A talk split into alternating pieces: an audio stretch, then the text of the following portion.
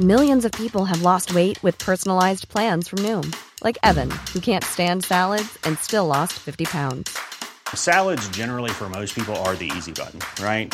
For me, that wasn't an option. I never really was a salad guy. That's just not who I am. But Noom worked for me. Get your personalized plan today at Noom.com. Real Noom user compensated to provide their story. In four weeks, the typical Noom user can expect to lose one to two pounds per week. Individual results may vary. Millions of people have lost weight with personalized plans from Noom, like Evan, who can't stand salads and still lost 50 pounds. Salads, generally, for most people, are the easy button, right? For me, that wasn't an option. I never really was a salad guy. That's just not who I am. But Noom worked for me. Get your personalized plan today at Noom.com. Real Noom user compensated to provide their story. In four weeks, the typical Noom user can expect to lose one to two pounds per week. Individual results may vary. Here's a cool fact a crocodile can't stick out its tongue. Another cool fact you can get short term health insurance for a month or just under a year in some states. United Healthcare short term insurance plans are designed for people who are between jobs, coming off their parents' plan, or turning a side hustle into a full time gig. Underwritten by Golden Rule Insurance Company, they offer flexible, budget friendly coverage with access to a nationwide network of doctors and hospitals. Get more cool facts about United Healthcare short term plans at uh1.com.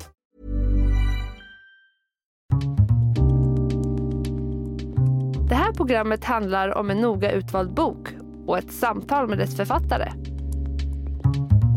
Välkommen till Lära från lärda. Fredrik Hilleborg vid micken och den här veckan har jag en bok i min hand som heter Kan vi prata om ensamhet? Mitt emot mig en av de två författarna. Välkommen Sandra Torbjörnsdotter. Tack så mycket. Jag nämner också att du, du har skrivit den tillsammans med Susanne Perlhamn. Det stämmer. Jag börjar alltid med att gästen får presentera sig själv, så vi börjar där. Du sa ju mitt namn, Sandra eh, Torbjörnsdotter heter jag alltså och eh, jag driver en reklambyrå till vardags.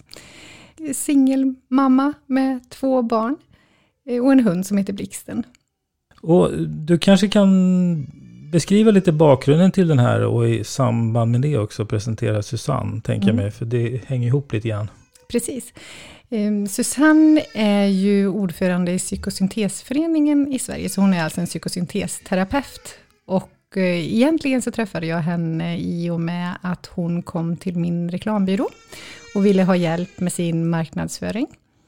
Och ehm, när vi jobbade med det ehm, så skrev jag texter till henne och, tyckte att det verkar intressant, liksom det här med psykosyntesterapi, så att Ehm, jag hade lite olika saker som spökade i mitt liv och som jag gick och tänkte på. Så jag tänkte att jag kan lika väl testa och, och gå i terapi hos Susanne. Så då började jag i samtal hos henne. Och eh, det löpte på i två år ungefär. Och sen hade vi liksom kokat ner det, det var ju många olika saker såklart, man pratar om det mesta, men, men mycket av det som spökade i mig bottnade i en känsla av ensamhet eller en rädsla för ensamhet. Då blev det helt enkelt så att jag hade svårt att släppa det där, så att jag kom tillbaka till Susanne efter, efter avslutad terapi och frågade henne, hur många av dina klienter brottas egentligen med en ensamhetskänsla? Och först svarade hon, nej, jag vet inte, det är väl, det är inte helt ovanligt. Men sen kunde inte hon släppa frågan, så gick hon hem och så kom hon tillbaka till mig och så sa hon, jag har tänkt på det där du sa. Och det är nog, om jag räknar lågt, 90 procent utav mina klienter. För även i en parsession så känner man att man inte når varandra, att man inte förstår varandra, att man inte intresserar sig för varandra och att det finns en ensamhet i relationen. Eh, så det är nästan alla. Och då bestämde ni för att skriva boken? Ja, då utbrast jag det. Vill du skriva mm. en bok med mig? För att jag kände att det kan ju inte bara vara jag. Ehm, så det var ju faktiskt innan coronan som vi startade upp med, med boken och sen så tog den två år eh, att skriva. Mm. Du nämnde det nu, alltså i parrelationer så kan man känna sig ensam. Ni beskriver det i början det här med, för att det, det kanske finns något missförstånd kring det där, eller eh, missuppfattning kring att ensamhet är alltid någon som bor ensam och är ensam. Precis, och det är ju det är en sån stigmatiserad bild kring ensamhet, där vi gärna vill kunna se på kontexten vem som är ensam. Ehm, men det är ju en känsla. Så att man kan ju känna sig ensam och det tror jag många har upplevt när man har massa människor runt sig eller när man kommer in som ny i ett rum och ska börja mingla, att man kan få en känsla av lite stress och ensamhet. Ehm, så vi väljer ju att dela på det här. Så vi tycker att det är skillnad på att vara själv. Det kan du se utanpå, vem som väljer att vara själv eller att ha egen tid. Men att vara ensam, det, det använder vi när vi pratar om den här inre känslan av ensamhet på djupet, liksom i vår mänsklighet. Mm. Ehm, så har vi valt att definiera det. Och det kan ju vem som helst känna, alla känna någon gång. Oh ja, jag tror faktiskt att alla, det är inte frågan om man kommer känna det, utan när. Um, och ofta kan man ju kanske gå tillbaka till barndomen, um, när man inte fick vara med och leka, eller när man kände sig utanför samtalet. Det kan nästan alla komma ihåg. Vad kände man sig då? Man kände sig utanför, och med det kände man sig ensam. Mm. Eh, och det är klart att vi kan känna de här känslorna som vuxna också, precis som att vi kan känna glädje och sorg. Vi kan ju inte välja att vissa känslor vill vi inte känna. Så det är klart att vi kan känna ensamhet. Um, och jag tror att det är väldigt vanligt även i, i relationer. Och, och man känner sig inte 24 timmar om dygnet. Det är också en sån här förutfattad uh, mening som jag kan möta, att, att ja men, oj, vad, kände du dig ensam i två år? Nej men det här var ju en känsla som kom och gick. Så att ibland tog den ju över väldigt, väldigt mycket. Och ibland fanns den inte alls. Men den var liksom att den, att den kom mer frekvent under de här åren som jag jobbade med det här. Mm. Um, och, och, som hon, som Susanne sa då, att en väldigt stor del av de hon träffar eh, tar upp det här och det är någonting som behandlas. Ja, eller hon, egentligen då så, så brukar Susanne säga att eh, man vill sätta andra ord på det. För det finns liksom ibland ett visst motstånd att ens ta ordet ensamhet i vår mun, så man säger hellre kanske att man är utanför, eller man känner sig missförstådd, man känner sig deprimerad. Ehm, men när man väl kokar ner det, så kanske det är en känsla av ensamhet i botten. Så att det är inte just så att, att man så lätt pointar känslan, tror jag. Det gjorde ju inte jag heller. Det tog ju lång tid innan jag förstod att det var en ensamhet. Vilken, med vilken, om man ska ringa in det, vilken typ av ensamhet är det egentligen ni pratar om? Eh, om alla kan känna sig ensamma någon gång, men det är inte riktigt den någon gång ensamheten som det här främst handlar om. Det här handlar ju om den emotionella ensamheten, alltså känslan av ensamhet. Jag tänkte, när jag läste den så är det ändå någonstans en ensamhet som gör, som gör att man inte mår bra. Ja, precis. Och det är ju så här med den här känslan av ensamhet. Ja. Det har ju varit så viktigt för oss eh, genom alla år liksom, som vi har överlevt som människoart, om man ska säga så. Att tillhöra en grupp, det var ju helt, eh, helt eh, livsviktigt när vi levde på savannen. Alltså hamnar du utanför gruppen så var du ju ett villebråd nästa dagens lunch. Och precis som att hjärnan signalerar med att vi skrattar när vi är väldigt glada och tycker något är roligt, så signalerar hjärnan med ångest när vi känner oss ensamma eller utanför.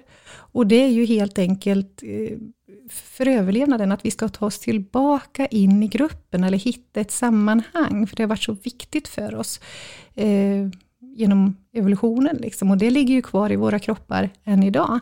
Mm. Så att när vi känner oss ensamma, så skickar hjärnan ut ångest, och den här ångesten, den, den skapar ju liksom en, en, stress i kroppen. Det ligger som en lågfrekvent stress nästan hela tiden, för att hjärnan håller ju på och larmar med ångest då, för att man ska hitta ett sammanhang, eller sin flock, om vi nu ska kalla det så.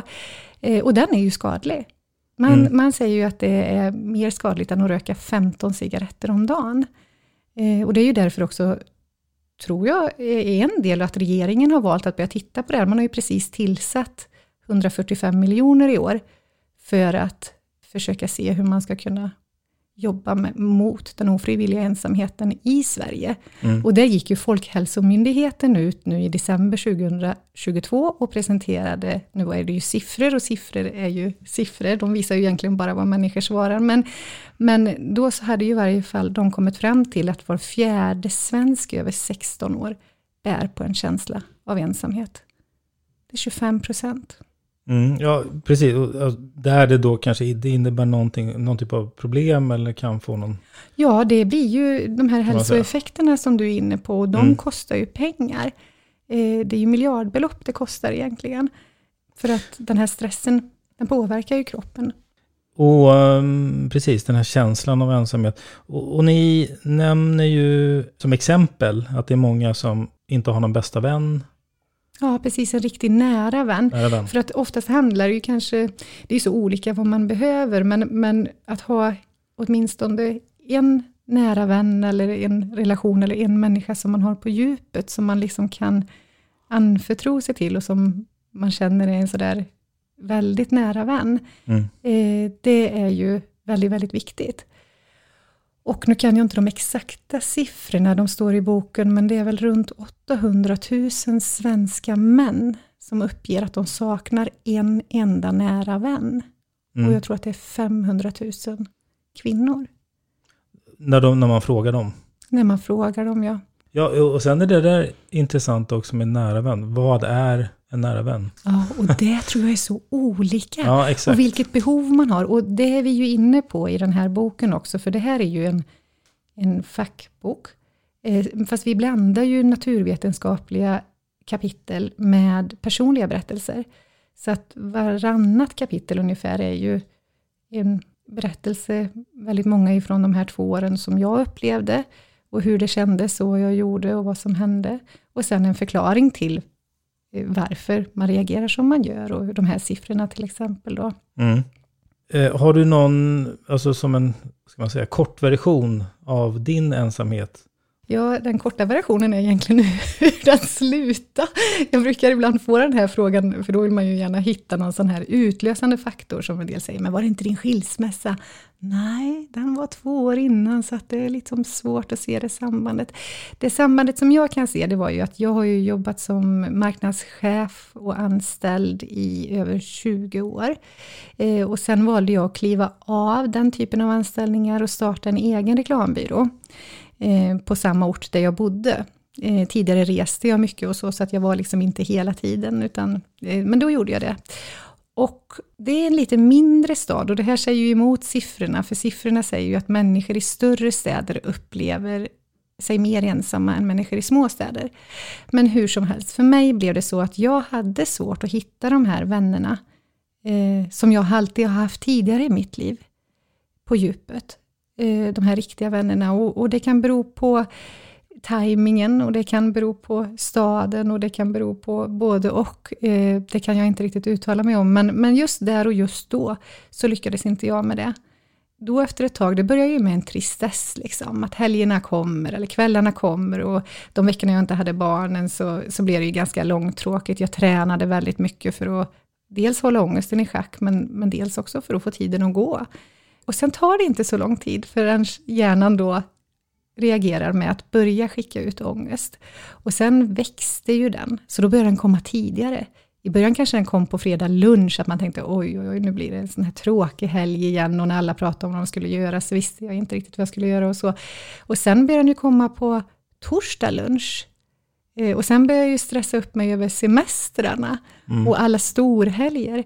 Eh, Så, så det trappades det ju upp för mig och det, eh, det är ju precis, skulle jag säga, som om man har en känsla så är det ju så lätt att, att den triggas av så lite. För om du vaknar glad en morgon och så säger jag ett halvbra skämt, då kanske du skrattar åt det, fast det inte var så roligt för du känner dig redan glad.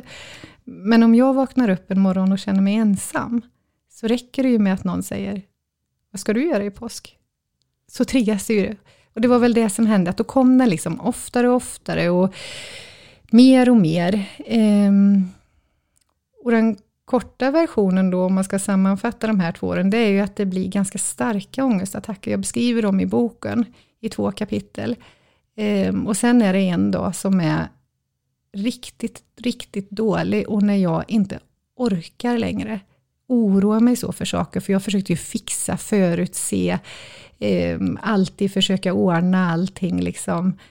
Ehm, och oroa mig för att jag skulle vara, känna mig sådär ensam i hela livet. Ehm, men till slut så kände jag bara att nej, jag orkar, jag orkar inte, jag orkar inte hålla på och tänka på det här längre, jag orkar inte ha den här ångesten och på något sätt så accepterade jag bara läget och kände okej, okay, då får jag väl vara ensam hela livet. Då får det vara så här, för jag, jag orkar inte fixa mer.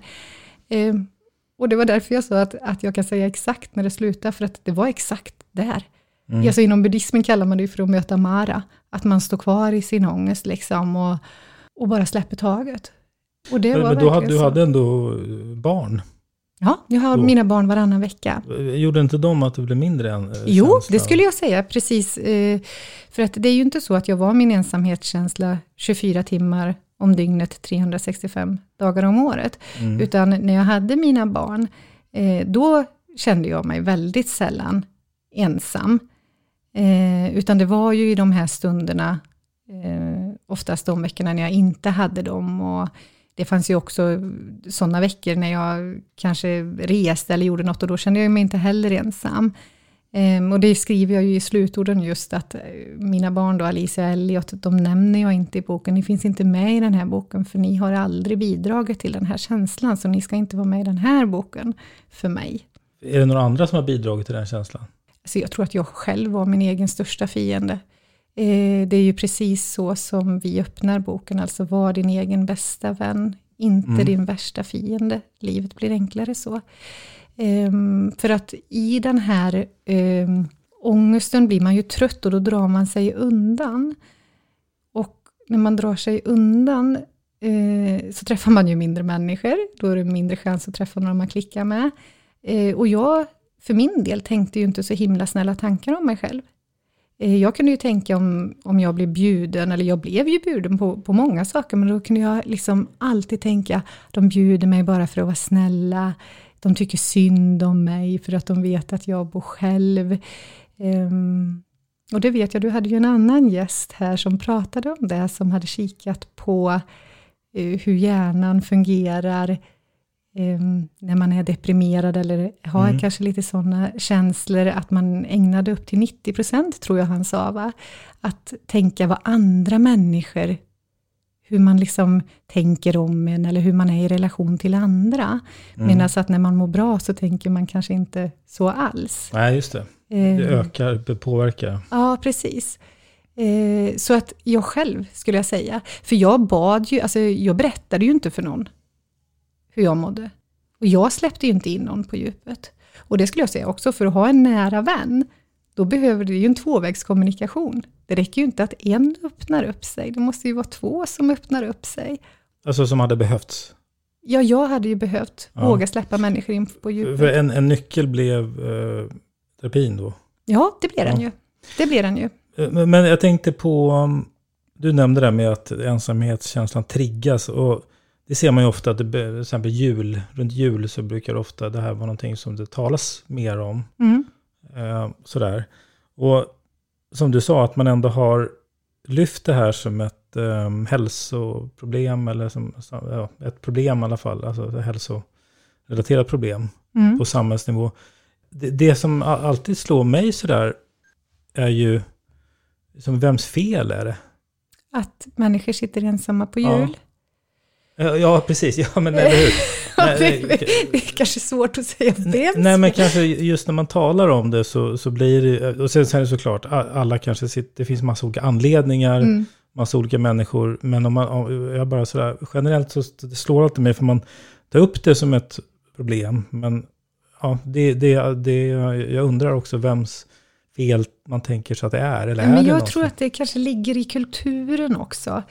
Och runt jul, precis som du är inne på, då ökar ju trycket på stödlinjerna. Och mm. även självmordsstatistiken ökar ju där. Det, det, det ja, för att ju... i vår kultur så är man det är en hög del man är gemensamt och då blir det... Ja, så jag tänker så här, vi har ju med, med det i boken också, eh, att eh, under en föreläsning på Karolinska eh, så var det eh, en föreläsare från Etiopien, tror jag det var. Eh, och då frågade de eleverna där att ehm, hur det ser ut med antidepressiva, liksom, för att här i Sverige ökar det så mycket. Och då så hade han svarat att ja, jag vet att jag har hört det, eh, men det är nog inte lika vanligt hos oss. Hos oss bland annat så äter ingen ensam. Alltså man bjuder in människor. Men, men, och, och, jag vet inte om det kan vara det här, men det känns som att det ligger lite i vår kultur att vi har byggt in en standard av att man ska klara sig själv. Eh, och det är ju bra. Eh, men det ligger kanske inte så naturligt att, att öppna upp sitt hem, som det kanske gör i andra länder, eller förr, liksom, när man kanske bodde mer på landsbygden och man såg varandra varje dag och sådär. Um, och det, vår idé i vår kultur kan bidra till mer ensamhet? Ja, vi, vi kanske är ovana att umgås över generationer. Och också att, att öppna upp våra hem. Mm. Ja, just det, det ehm. blir en setup som kan leda till att fler kanske hamnar i det då. Ja, de här sociala strukturerna gör att det kan bli svårt att komma in. Mm. Um, Precis, och, och, det här med att vi är världens ensammaste folk, eller vad man ja, brukar... det säger myten, lite. ja. Myt, ja, precis. Mm. Uh, ni, precis. Ni är inne lite den, på den frågan där. Ja, för att det är många forskare som har intresserat sig för Sverige, just för att vi har den här myten om att vara världens mest ensamma land. Eh, och huruvida det är sant eller inte, det, det, det kan man ju inte säga. Nej, det, det, det svåra i, det här är ju också att det är ju självupplevd. Eh, så att egentligen vem som helst kan ju vara, känna sig ensam. Alltså, och då är man ensam så att säga. Eh, egentligen. Ja, alltså om man, så att säga, om man säger att man känner sig det, så är man det. Och sen kan ju de som säger att de känner sig det, känna, egentligen vara väldigt olika nivå av ensamhet om man skulle lyckas mäta det. Men, men så länge de känner sig ensamma så är de, är de ju det. Oh ja, och, och det är ju det som är med ensamhet, den diskriminerar ju inte, utan den kan drabba gammal som ung, och ja. oavsett liksom vilken bakgrund vi har. How would you like to look five years younger? In a clinical study, people that had volume added with Juvederm Voluma XC in the cheeks perceived themselves as looking five years younger at six months after treatment. Look younger, feel like you. Add volume for lift and contour in the cheeks with Juvederm Voluma XC. Reverse signs of aging by adding volume to smooth laugh lines with Juvederm Volure XC. For important safety information and to find a licensed specialist, visit juvederm.com. That's J U V E D E R M.com. Not for people with severe allergic reactions, allergies to lidocaine, or the proteins used in Juvederm. Common side effects include injection site redness, swelling, pain, tenderness, firmness, lumps, bumps, bruising, discoloration, or itching. There's a risk of unintentional injection into a blood vessel, which can cause vision abnormalities, blindness, stroke, temporary scabs, or scarring. Talk to a licensed specialist to find out if it's right for you. When you're ready to pop the question, the last thing you want to do is second guess the ring. At Bluenile.com, you can design a one of a kind ring with the ease and convenience of shopping online. Choose your diamond and setting. When you find the one, you'll get it delivered right to your door. Go to Bluenile.com and use promo code LISTEN to get $50 off your purchase of $500 or more. That's code LISTEN at Bluenile.com for $50 off your purchase. Bluenile.com code LISTEN. Since 2013, Bombas has donated over 100 million socks, underwear, and t shirts to those facing homelessness if we counted those on air, this ad would last over 1,157 days. But if we counted the time it takes to make a donation possible, it would take just a few clicks. Because every time you make a purchase, Bombas donates an item to someone who needs it. Go to bombas.com slash ACAST and use code ACAST for 20% off your first purchase. That's bombas.com slash ACAST, code ACAST. Och det är också intressant att man i en relation och kanske till synes utifrån ser ut att ha mycket vänner, men man känner sig ensam. Ja, det är absolut, eller en stor släkt, eller... Ja. Eh, Precis. Och ehm, det har vi ju ett citat i boken, att, eh, som är tillskrivet Robin Williams, där han säger, jag trodde att det värsta i livet var att bli ensam. Det är det inte. Det är att omge mig med människor som får mig att känna mig ensam. Och jag tänker också när man tittar på siffrorna återigen, så, så är det ju en grupp, gruppen unga tjejer som, som svarar till ganska hög andel att de upplever en ensamhetskänsla. Och tittar man på kontexten på dem så är de ju jätteaktiva på sociala medier, skolan med mycket människor runt sig. Så att det här är ju en känsla vi har inuti. Och sociala medier kan ju, det är ni inne på också, det kan ju vara och det vet man ju alla som har varit där, att man, man, man inte, alla andra har det så himla kul och bra. Mm. Eh, det kan ju få vem som helst att för stunden känna sig eh, sämre. Eh, Men just på sociala medier så är ju frågan vad det är. Ja, vi, la, vi jagar likes och varför jagar vi likes? Jo, för ju bättre status vi har, ju mer given plats har vi ju i flocken också. Mm. Ju mer värdefull blir jag ju för flocken. Det är ju så. Mm. Man vill känna sig Eh, behövd och Ja, älskad och allt möjligt. och det var kanske skillnaden också om vi går tillbaka till det här när vi bodde på landet i mindre samhällen. Jag är uppvuxen i en by där det bor hundra personer tror jag.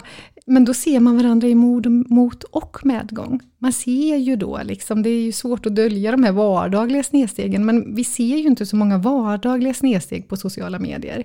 Utan man lägger ju såklart gärna ut det positiva. Det gör ju alla och sen vet vi ju med vårt medvetande att det inte alltid är bra i alla andras liv, men men det vet ju du som är marknadsförare, att, att hjärnan tor- tolkar ju visuell kommunikation 60 000 gånger snabbare än text. Så vi har ju redan fått en känsla när vi har sett bilden. Mm. Så det är svårt sen med rationella argument att försöka rå på den. Mm.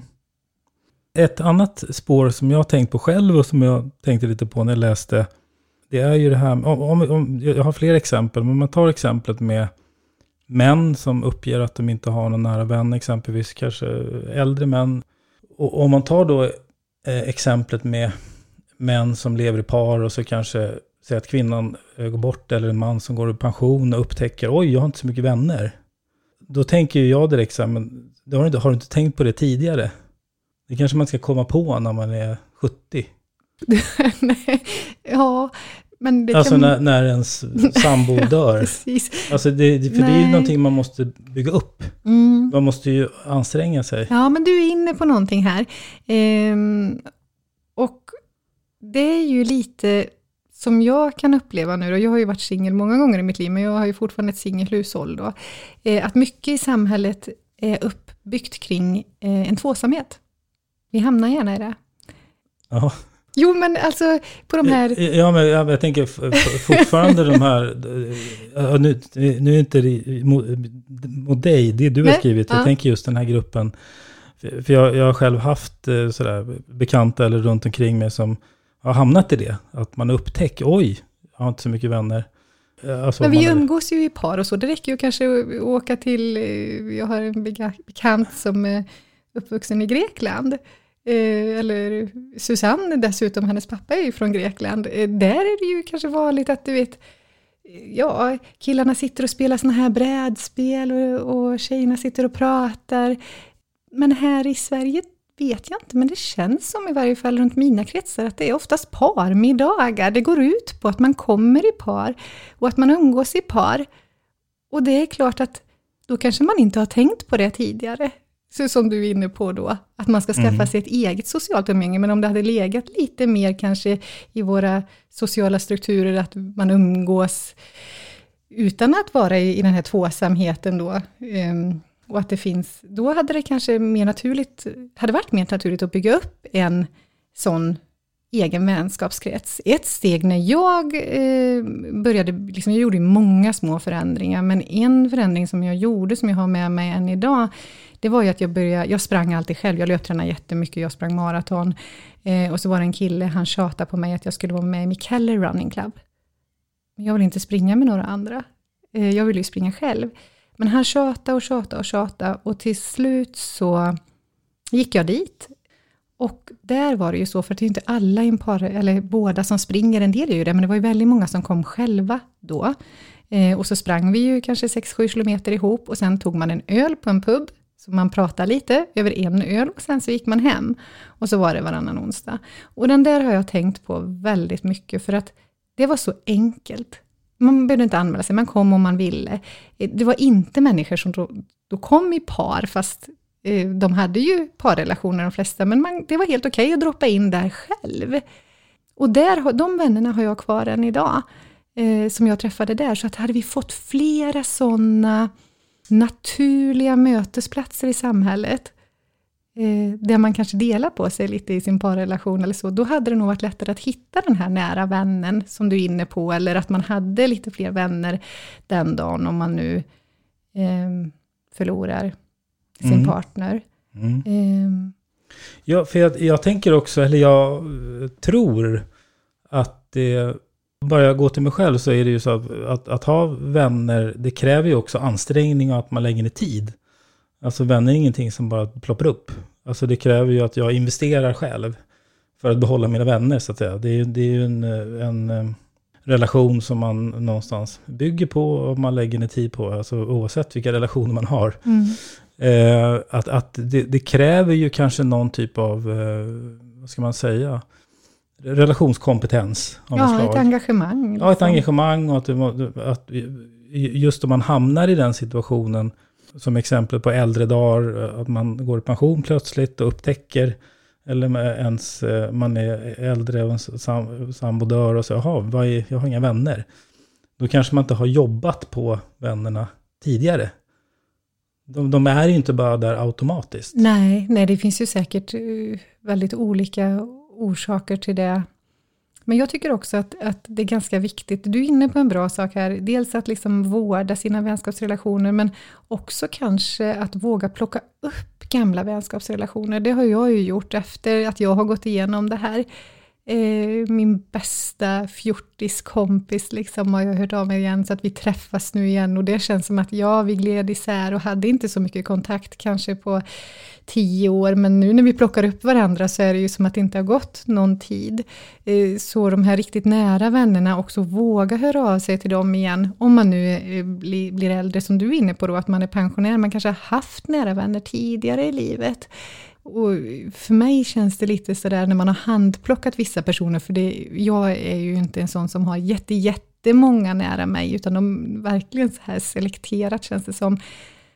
De har jag mött så på djupet så att vi checkar in där på nolltid igen hos varandra. Eh, Så det är flera sådana gamla vänner faktiskt som jag har plockat in i mitt liv igen. Och det kan man Mm. ju också göra, bara för att man har tappat kontakten när det har gått många år, så behöver ju inte det betyda att det är slut på vänskapen heller. Nej, nej precis. De kan ligga i, vila lite eller kom, dyka upp på nytt. Ja, absolut. Eh, Alltså, det är ju det här jag försöker förklara i ett kapitel, där någon säger till mig, ja men du kommer nog att träffa någon. Men jag vill inte bara träffa någon. Och det behöver inte heller vara en kärleksrelation. Jag vill ju träffa liksom de här vännerna som man klickar med. Eh, För att jag är hellre själv än att vara i rum där jag upplever att samtalen är fattiga. Och det menar jag inte att samtalen just måste vara fattiga, för de i rummen kan det vara jätteintressant, för de är intresserade av samma saker och de upplever att de möts liksom på det sättet. Men för mig passar det ju inte. Och vi har ju valt att kalla det för att hitta sin flock helt enkelt. Den flocken som man matcha med, som man har liknande intressen av. Liksom hitta och omge sig av de människorna där man, som man klickar med. mm. Och det där kan bli jobbigt då man har haft vänner länge så man känner att man kan glida ifrån varandra Mm, av olika anledningar. Sådär. mm. Eh, kan också vara svårt. Eh, men det kan vara en naturlig gång också av livet såklart. Ja, jag tänker, Susanne brukar ofta säga, kan det få vara så här nu? Kan det få vara så här nu? Bara för att man glider isär i vissa perioder i livet, så betyder ju inte det att man inte kan glida ihop igen. Så det är nog helt naturligt. Det är väl som, som kärleksrelationer, de ligger väl inte alltid på en jämn nivå, utan Nej. man glider lite hit och dit, och precis som du är inne på, man får jobba lite och engagera sig lite. Mm. Eh, och ibland är det väldigt, väldigt bra, men för den saken skulle behöver inte betyda att det är väldigt, väldigt bra hela tiden, utan sen glider man ifrån lite igen och så får man jobba lite liksom. Mm. Så är det ju i relationer överlag. Och, och både vänskapsrelationer och kärleksrelationer egentligen. Ja, ja precis. Ja, men jag, och jag, det, det är därför jag, den, den här andra aspekten av att jag, jag tror att det är många som, i vissa fall i alla fall, ja men kanske skulle behöva också någon, någon coaching eller någon, öka sin kompetens kring det. För, och, går man genom livet och tänker att alla andra är, är knäppa här, så kanske man skulle, det kanske en, titta på en själv också. Ja, en självmedvetenhet. Och absolut, och det behöver man ju absolut för att kunna finnas där för sig själv. Eh, För det var ju det jag tyckte, som jag var inne på förut, med min ensamhetskänsla. Jag fanns ju inte där för mig själv. Jag tryckte ju ner mig själv och jag hade ju inte lärt mig att förstå Alltså jag agerade ju på min ångest. Jag trodde ju på mina tankar. När jag tänkte så här, men du kommer vara så här ensam för alltid. Då trodde jag ju på dem. Jag valde ju att tro på det jag tänkte och sen så lärde ju... Det hänger ihop Mer liksom depression?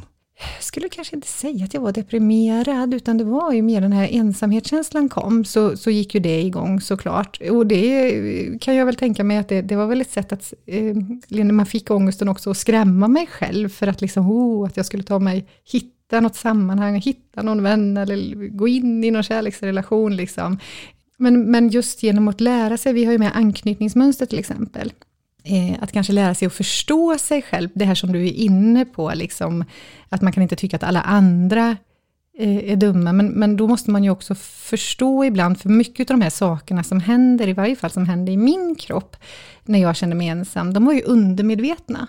Jag var ju inte, det var ju inte att jag medvetet valde att dra mig undan, att bara löpträna själv, att tänka elaka tankar om mig själv. Det var ju något undermedvetet, så att när, när Susanne lärde mig vikten och förklarade att hjärnan fungerar så här, så här ser anknytningsteorierna ut, och det här att du reagerar så här kan bero på det, då kunde jag ju också fånga upp mig själv. När jag märkte att jag tänkte någonting, så jaha, okej, okay, det kan vara på grund utav att hjärnan larmar med ångest nu, eller det kan vara på grund utav att jag eh, gärna drar mig undan om jag känner att, att det börjar bli liksom en värdefull relation, så kan liksom, och det är klart att genom att, att få en självmedvetenhet, så kan du få dig själv att agera på andra sätt, när det kickar in. Mm. För det är det det handlar om. Det var ju inte så att på en sekund så släppte allt det här, utan under två år hade ju Susanne fått mig att göra små, små förändringar många, många små förändringar. Och det är också det, många vill gärna ha ett quick fix. Hur gjorde du för att komma ur det här? Det finns inget quick fix. Det här är små, små steg som tillsammans sen skapar en jättestor förändring. Mm. Och jag tyckte ju mycket i arbetet med mig själv, att jag kommer ju ingenstans. Jag kommer ju ingenstans. För man vill så gärna ha de här snabba lösningarna. Ibland kan man ju behöva det om man har gått ner i en riktig depression eller så. Men en självmedvetenhet som du är inne på, den är ju nyckeln till väldigt, väldigt mycket. För Det är då man kan börja ändra sitt beteende och också ändra sitt tankemönster. Mm. För att, att man tycker att alla andra är knäppa, det är ju ens tankar och som har triggats igång på någonting. Mm. Är det någon del i boken som vi inte har nämnt som du vill nämna? Ja, alltså en viktig del i boken, det tycker jag är det här vi skriver om att ha ett ankare. Mm. Och det är ju egentligen en metafor som Susanne brukar använda för att ha någon att ankra i, alltså att kunna ringa till när det riktigt stormar eller om, om man får såna här känslosvallningar som man inte riktigt kan hantera, som jag beskriver i boken, när jag får ångest så känns det som att jag drunknar i mina känslor och sen kommer jag precis upp vid ytan. Eh, och i de fallen så är det jätteviktigt att ha ett ankare. Alltså ha en person som står en nära då som man kan höra av sig till eh, direkt när det börjar komma. Du hade henne i det här fallet? Eller? Ja, till precis. Att börja, till att börja med så hade jag ju Susanne eftersom jag inte var så öppen med Alltså jag var nog lite nonchalant tror jag, för att jag, jag har alltid varit en sån person som ska klara mig själv och som ska prestera väldigt mycket. Så att jag tyckte ju att, att jag kan väl inte ringa och störa alla andra med min ångest. De har ju viktigare saker för sig än att lyssna på det här. Mm. Um, och därför så, så blev det ju så när Susanne berättar om det här med ankare för mig och frågar mig, vem har du som du kan ringa till när det blir så här? Då svarar jag ju henne att jag har ingen. Jag hade ju människor runt mig och föräldrar som jag kunde ringa och så. Men jag själv tyckte inte att jag skulle ringa och störa dem. Ah, okay. Um, och därför så, så blev Susanne då, och vad hon gjorde där, det är ganska intressant och det kan vara bra att veta som omgivning också. Det är ju att man säger ofta, säger, men ring om det blir så här. Men då lägger man ju ansvaret på den personen som känner sig ensam. Och det ligger ju biologiskt i oss att liksom dölja att vi känner oss ensamma, för det var ju så vi gjorde om vi hamnade utanför flocken, så låtsas man som att man liksom inte är ensam. Så det, det kan man ju möta än idag när man frågar, ja men känner du dig ensam? Nej, jag tycker om att vara själv och det är så härligt. Men jag märker ju nu när jag har skrivit den här boken att jag möter helt andra svar. Ja, jag känner mig ensam, men jag vill inte berätta det, för jag vill inte ha alla de här quick fixen, eller jag vill inte Eh, mötas av en massa råd, liksom. eller jag vill inte att de ska tro att inte jag kan träffa någon, eller sådär. Ehm, men vad hon gjorde då, det var ju att hon sa, då ringer jag dig en gång om dagen här nu i en vecka. Och det kan man ju göra som, som vän eller anhörig också, om någon nu öppnar upp sig och berättar, att istället för att säga att ja, men ring om det blir problem, så sling, man säga, är det okej okay om, jag, om jag ringer dig ibland? Mm. Och får man då ett svar, ja, ja men då gör man det. Eh, för då finns man ju där. Eh, för det kan ju, vara, kan ju vara så som det var för mig, att man har ett väldigt motstånd kring att be om hjälp. Jag var och jag tycker fortfarande är ganska dålig på att be om hjälp. Och, och vad är, skulle du säga, rekommendationen då, alltså om, om någon skulle säga det till en, att de känner, den personen känner sig ensam? Äh, för det kan ju vara svårt också, Jaha, hur ska man Ja, göra? det är ju jättesvårt. Man behöver inte göra så himla mycket, man behöver inte komma med råd för det första.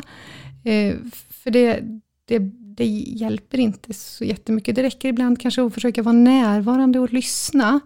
Eller skicka ett sms. Eh, eller bara göra ett samtal. Eh, att checka in. Och, och liksom, för det här med ensamhet, det handlar ju inte om dig och mig och varje individ, utan det handlar ju om hur vi ska ha det tillsammans. Hur vi ska ha det tillsammans i samhället. Liksom. Eh, och det är klart att om någon känner sig ensam och det finns en person i omgivningen som börjar höra av sig, och, och får man ett näkande svar, som min kompis fick då när han tjatade om att jag skulle följa med på Mikael Running Club, så fortsatte han att höra av sig. Jag är helt imponerad. Han tjatade i ett helt år. Och det kan man också göra. Bara fortsätta. Och, och man behöver inte fråga om man ska hitta på något. Man kan bara hoppas allt är bra med dig, skicka ett sms och finnas där. Som sista fråga, förutom att läsa boken, har du, vad är din rekommendation du skulle skicka med kring det här ämnet? Men det är nog att eh, våga börja prata om det. För jag tror inte att en... Alltså vem ska prata om det? Alltså om man känner sig ensam. Eller att alla ska börja prata om det. För att det här tror jag är en känsla som är något tabubelagd. Alltså just för att eh, man är rädd för att det ska liksom förknippas med att det är något fel på mig, eller att man har blivit utstött, att man inte kan få vänner, att man inte kan hitta en kärleksrelation. Eh, så att om, om vi liksom tar bort den bilden kring det och börjar prata om det, precis som vi kan prata om glädje till exempel, eh, så skulle det ju känslan bli mer normaliserad. Och då skulle det också bli lättare för de som upplever sig som ensamma att prata om det. Så därför har vi ju valt att döpa boken till Kan vi prata om ensamhet? Mm. Um, och det gäller liksom inte bara den som upplever sig ensam, utan hela samhället behöver börja prata om den här känslan. Inte bara runt jul. Inte bara runt jul. Nej, när det blir rubriker. Nej, ja precis. Utan det här är ju liksom hela tiden i samhället och året runt. Och i, i England har man ju till och med en minister tillsatt som jobbar. Ensamhetsminister? Ja, det mm. finns det. Eh, tillsatt. jobbar ensam? han, jobbar, han jobbar för att förebygga det här. Mm. Om man lyssnar på det här och vill ställa en fråga till dig, kan man hitta dig någonstans? Ja, alltså det allra lättaste, vi finns ju på sociala medier, så på Instagram så finns det konto som heter prata understreck om understreck ensamhet. Och där når man både mig och Susanne om man skickar meddelande och på Facebook finns Kan vi prata om ensamhet. Tack för att du var med. Ja, tusen tack.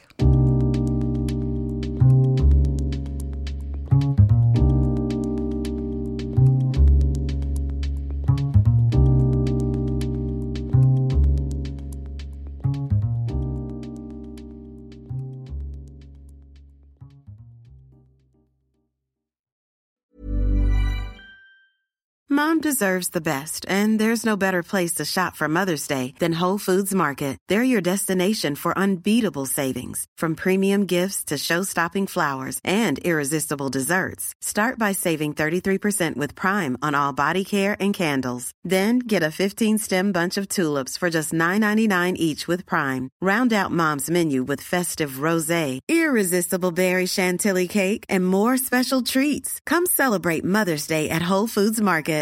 Planning for your next trip? Elevate your travel style with Quince. Quince has all the jet setting essentials you'll want for your next getaway, like European linen, premium luggage options, buttery soft Italian leather bags, and so much more. And it's all priced at 50 to 80% less than similar brands. Plus, Quince only works with factories that use safe and ethical manufacturing practices. Pack your bags with high-quality essentials you'll be wearing for vacations to come with Quince. Go to quince.com slash trip for free shipping and 365-day returns. Imagine the softest sheets you've ever felt. Now imagine them getting even softer over time. That's what you'll feel with Bowl and Branch's organic cotton sheets. In a recent customer survey, 96% replied that Bowl and Branch sheets get softer with every wash. Start getting your best night's sleep in these sheets that get softer and softer for years to come. Try their sheets with a 30-night guarantee. Plus, get 15% off your first order at bowlandbranch.com. Code BUTTERY. Exclusions apply. See site for details.